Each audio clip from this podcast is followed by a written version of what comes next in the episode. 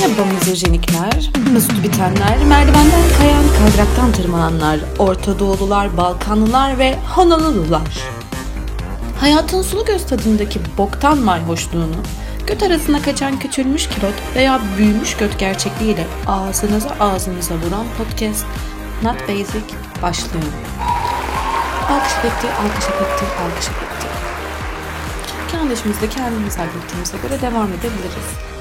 Fenomenlerin, uçak telefonunda çekilen malafatların, Cartier bilekliklerin, bişektominin, prim değeri kasan birçok ibret mahşer mahlukatın takıldığı platformda ha bir mal eksik, ha bir mal fazla diyorsanız, bizi bu ön yargıyla dinliyorsanız bunu değiştirmek isteriz daha da iyisiyle. Evet evet bu yeni yargı gözlerinizi bayağı bir açtı. Bir insan eski Türk dizilerinin 5-6 dakikalık atarlı giderli yengeye atlamalı, ambuyu anüse takmalı, istasyon olmayan mezralarımıza trenle gitmeli videolarını izlemek. Veya cilt maskesi yapmak, mastürbasyon yapmak veya mastürbasyon yapmak zorunda kalmamak için squatlı mukuatlı fitness programını gerçekleştirmek yerine neden sizinle bıt bıt konuşur? Cümlenin başını toparlayacak kadar IQ'ya sahip olan kardeşlerimizi ayıklayıp kalan şuursuzları IQ'layıp sonraki bölümde dalgamıza bakalım diye bence. Ben ilk bu tarz bir şey yapacağım dediğimde yok profesyonel metin yazarlığı falan filan dediler. Yani kusura bakmayın da götümün metin yazarlığı. Sanki apartman yöneticisi olacağız. Sona yakın mıyım ben be? Ben sizin için çalmıyorum ki oğlum bu şarkılar niye? Çünkü terapistler çok pahalı lan. Aynısını dışarıda yapsan. Vakıf Üniversitesi çıkışlı pembiş John yeni mezun kızlarımıza saati 300 bayılırsın. Yani dinleyeni çok odak noktaya almadığımızdan aslında bir kitle değilsiniz ki bir hedefimiz olsun değil mi? Yani tam da bu vesileyle çıktığımız bu yolda yani bu açıdan şuursuz olduğum için çünkü kısa bir süre önce şizofreni teşhisi aldım ya da almadım. Almış da olabilirim, almamış da. Yani alsam da fark etmez, almasam da. Velhasıl alter egolarımın güdük bilinçaltımda canı sıkıldı gibi geldi. Ve onları naftalin kokularından ayırıp açığa vurunca gördüm ki sadece ben değil, herkes deli. Herkes deli ise niye herkes deli diye etiketli? Normalitenin tanımına ne oldu a dostlar? Galiba benim makamda Beyoğlu'nda çırılçıplak koştuğumu görünce beni biraz yanlış anlamış olabilirler. Ama o zamandan beri hem tanılı hem raporlu hem ilaçlıyım. Yani sanırım sizinle konuşma ehliyetim var gibi. Zaten daha sonra anlatacağım gibi ben aslında buralardan değilim. Evrenin çok çok uzaklarındaki farklı minik bir gezegeninde bazı durumlar oldu. O sırada da bu dünyadaki anam babam ana baba olabilmek için tedavi görüyormuş, dualar okuyormuş, telli dedeye bezler çaputlar falan bağlıyormuş. Ben de dedim ki ikame olarak beni gönderiverin. Zaten burada birbirimizden pek mutlu değiliz. E bunu anlatınca da şizofren diyorlar. Adım Müzeyyen Jale. Bana kısaca MJ derler. Adımı yaşatmak için saçlarımı kızıl yaptım. Gözlerim de renkli. Yani yarın yeni nesil rapçiler gibi saçma sapan kullanmadığımız reçetesiz bazı mevzular için alınmayalım diye açıklık getirmek istedim.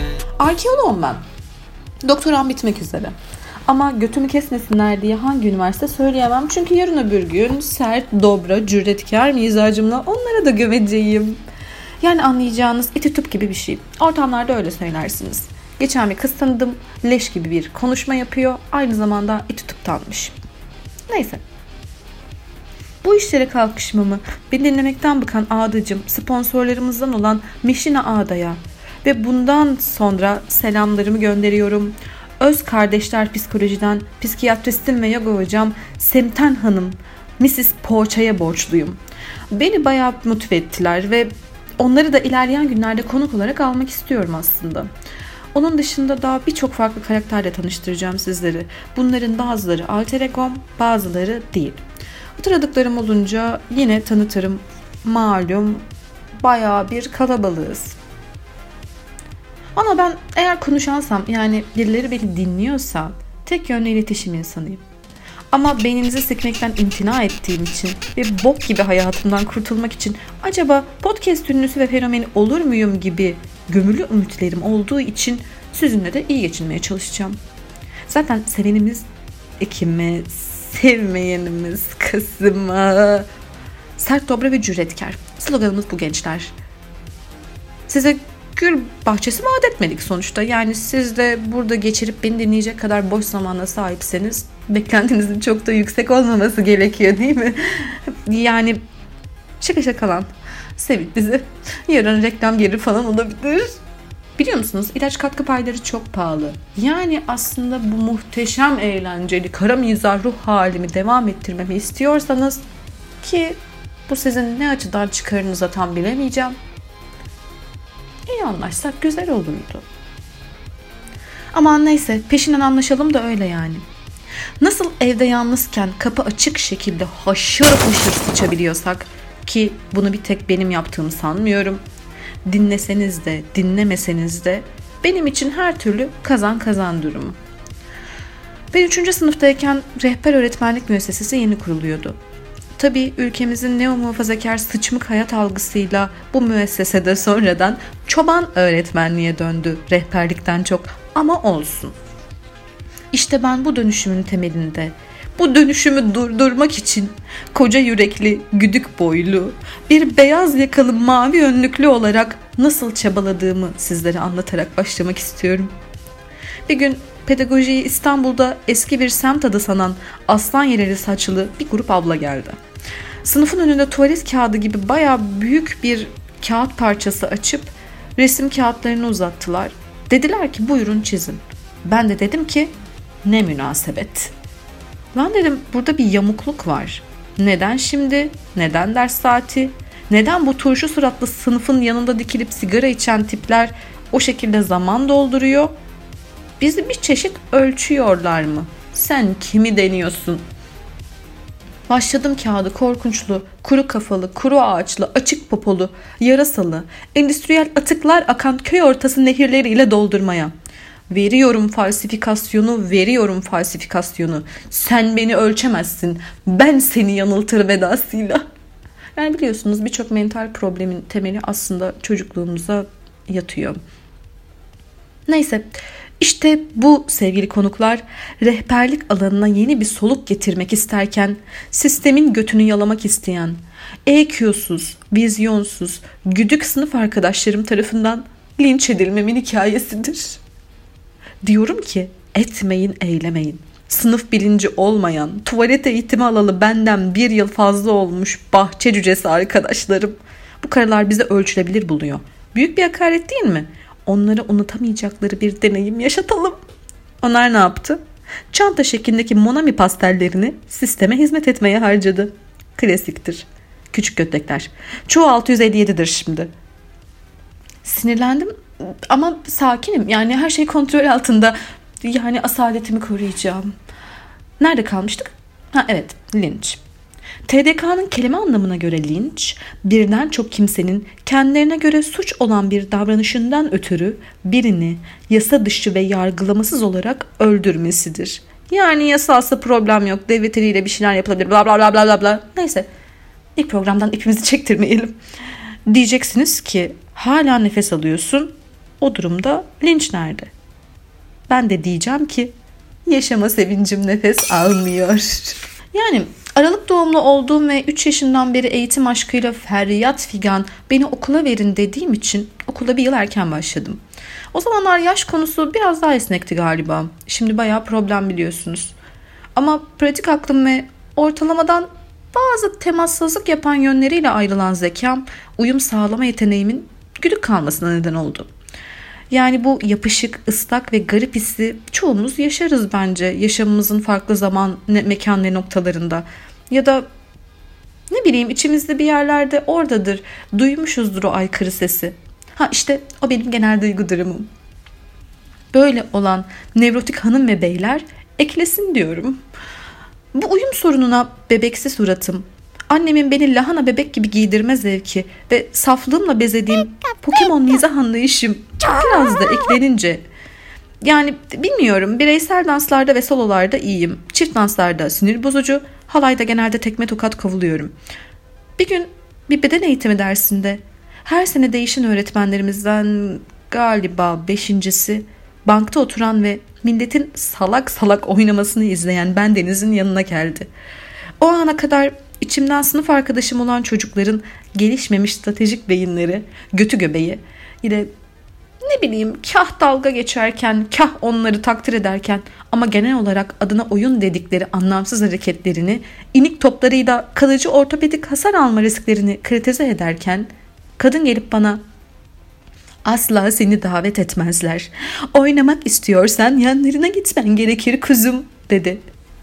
İçimdeki vahşi ve kara miza aç yanıma rağmen süper egoma yağ çekmek için egomun iyi bir aile terbiyesi almış olmasını sergilemeye çalışırken ne oyun ayol?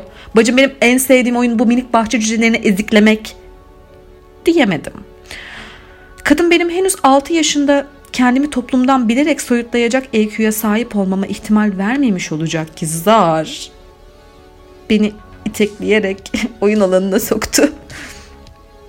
Tam o an potanın altında delikten geçen eziklediğim o eprimiş topun tüysüz yetim bir kuş yavrusu kadar olan minik burnumla başlayıp dişlerime sonra da göz yuvalarıma ve tüm yüzüme bir klasik sonat melodisinin elektronik esintilerle remixlenmiş bir hali gibi çarpışını deneyimledim.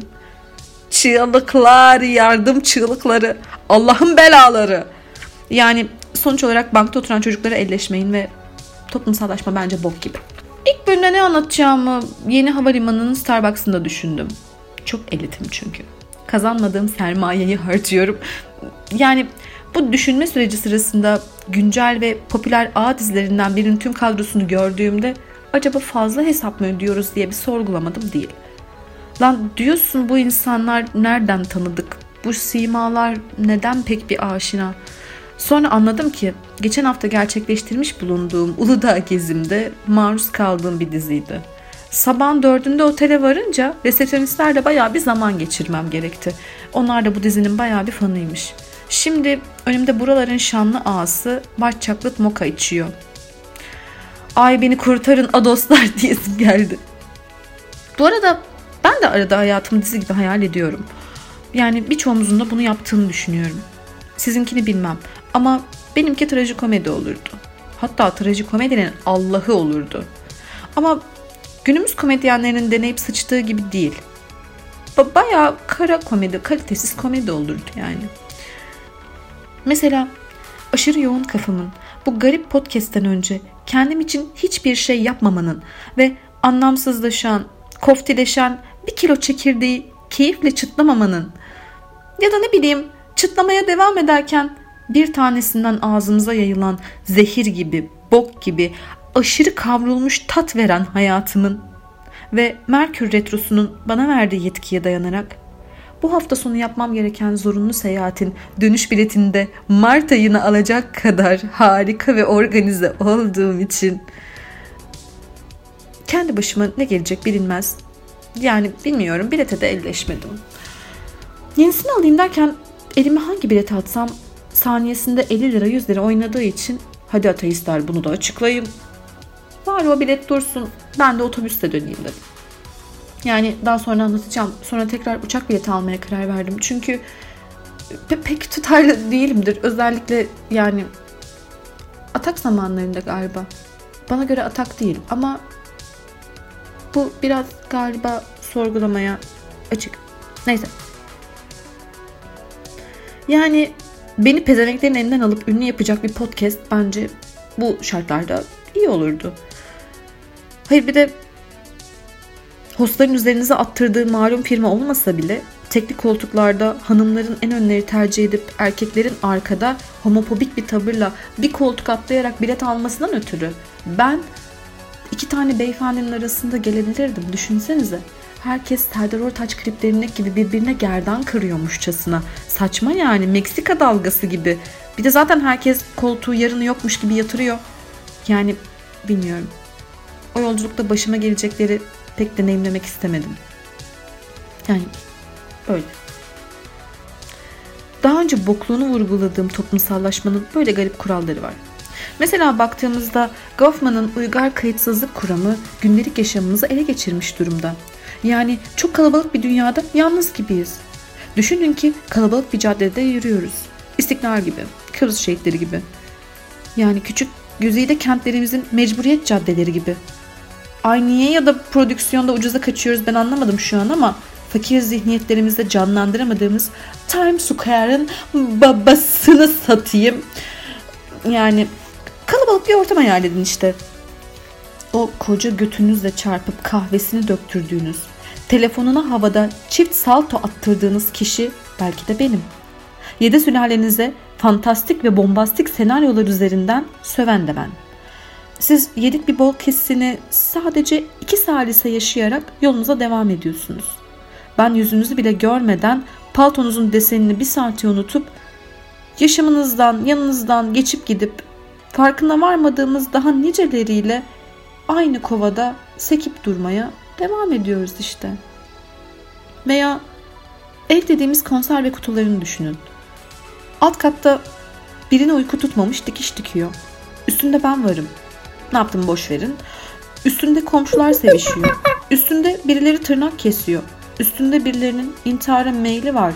Karar verme aşamasında. Modern insan ilişkileri mürekkep zeytinyağı ve suyun götten bir kaşıkla karıştırılması gibi. Mesela siz ilaç vakti yaklaşan bir şizofrenin şizeyanlarını yaklaşık 17 dakikadır dinliyor falan olmalısınız. O ise sizi belki hiç tanımıyor ve tanımayacak. Tanısana ne olacak ki sanki? Kim kimi ne kadar tanıyabiliyor? İşte ben doğuştan gelen deliliğimi böyle böyle saklayamaz hale geldim. Bir gün muayeneye gittiğimde hemşire anlatmıştı. Katatonik bir hasta varmış. Kadının hiçbir fiziksel engeli olmadığı halde yürümüyor, konuşmuyor, tepki veremiyormuş. Bunu kontrole getirdiklerini söyledi bir gün. Aynı günde manik bir hasta denk gelmiş. Bu manik hastanın giriş işlemleri yapılırken sen katatonik hastanın üzerine koş. Koşmaya başladığında o katatonik hasta bildiğimiz çözülmüş, açılmış, kaçmaya başlamış. Yani kimin kime şifa, kimin kime zehir olduğu bilinmez canlarım. Ben de bazen ilaç yazdırmaya gittiğimde diğerleriyle sohbet ediyorum. Bayağı kafa açıyor. Yani gerçekten sohbet ediyorumdur ve gerçekten varlardır umarım ama ben şahsen minik anlardan keyif almayı öğrendim. Adama kilo versen iyi olur dedim sağlığın için. Adam döndü ben mi vereceğim onlar mı alacak dedi. Espri mi yani kalitesiz bir espri mi ciddi mi diye baktım. Adam bayağı ciddi. Yani toplumsallaşmanın götlek oyunları sebebiyle edilgen olmaya o kadar alışmışız ki biz sadece vermeyi bilen bir dünyada sadece söke söke çalıp köpekler gibi çalışıp kraliçeler gibi yana istif yaptığımız bir dünyada harcanan minik patatesler olabiliriz canlarım. Eğer yeterince medeni olsaydım veya sizinle diplomasiye dayalı bir iletişim içinde olmayı hedefleseydim tanıştığımıza memnun oldum derdim. Keep, bye, AEO falan filan. Ama bunun yerine rahatsız edici ve ambivalans yaratan şeylerin daha kalıcı, daha çarpıcı, daha çekici, daha seksi, ıtırlı, makbul, uygun, caiz, bilimum iyi ve şakalı şeyler olduğunu bildiğimden ağzınızda kalıcı bir tat bırakmak amacıyla yatağınızın altındaki canavar gerçek ve adına Basic Adult Life deniyor demek isterim. Bilmeyenler için söyleyeyim.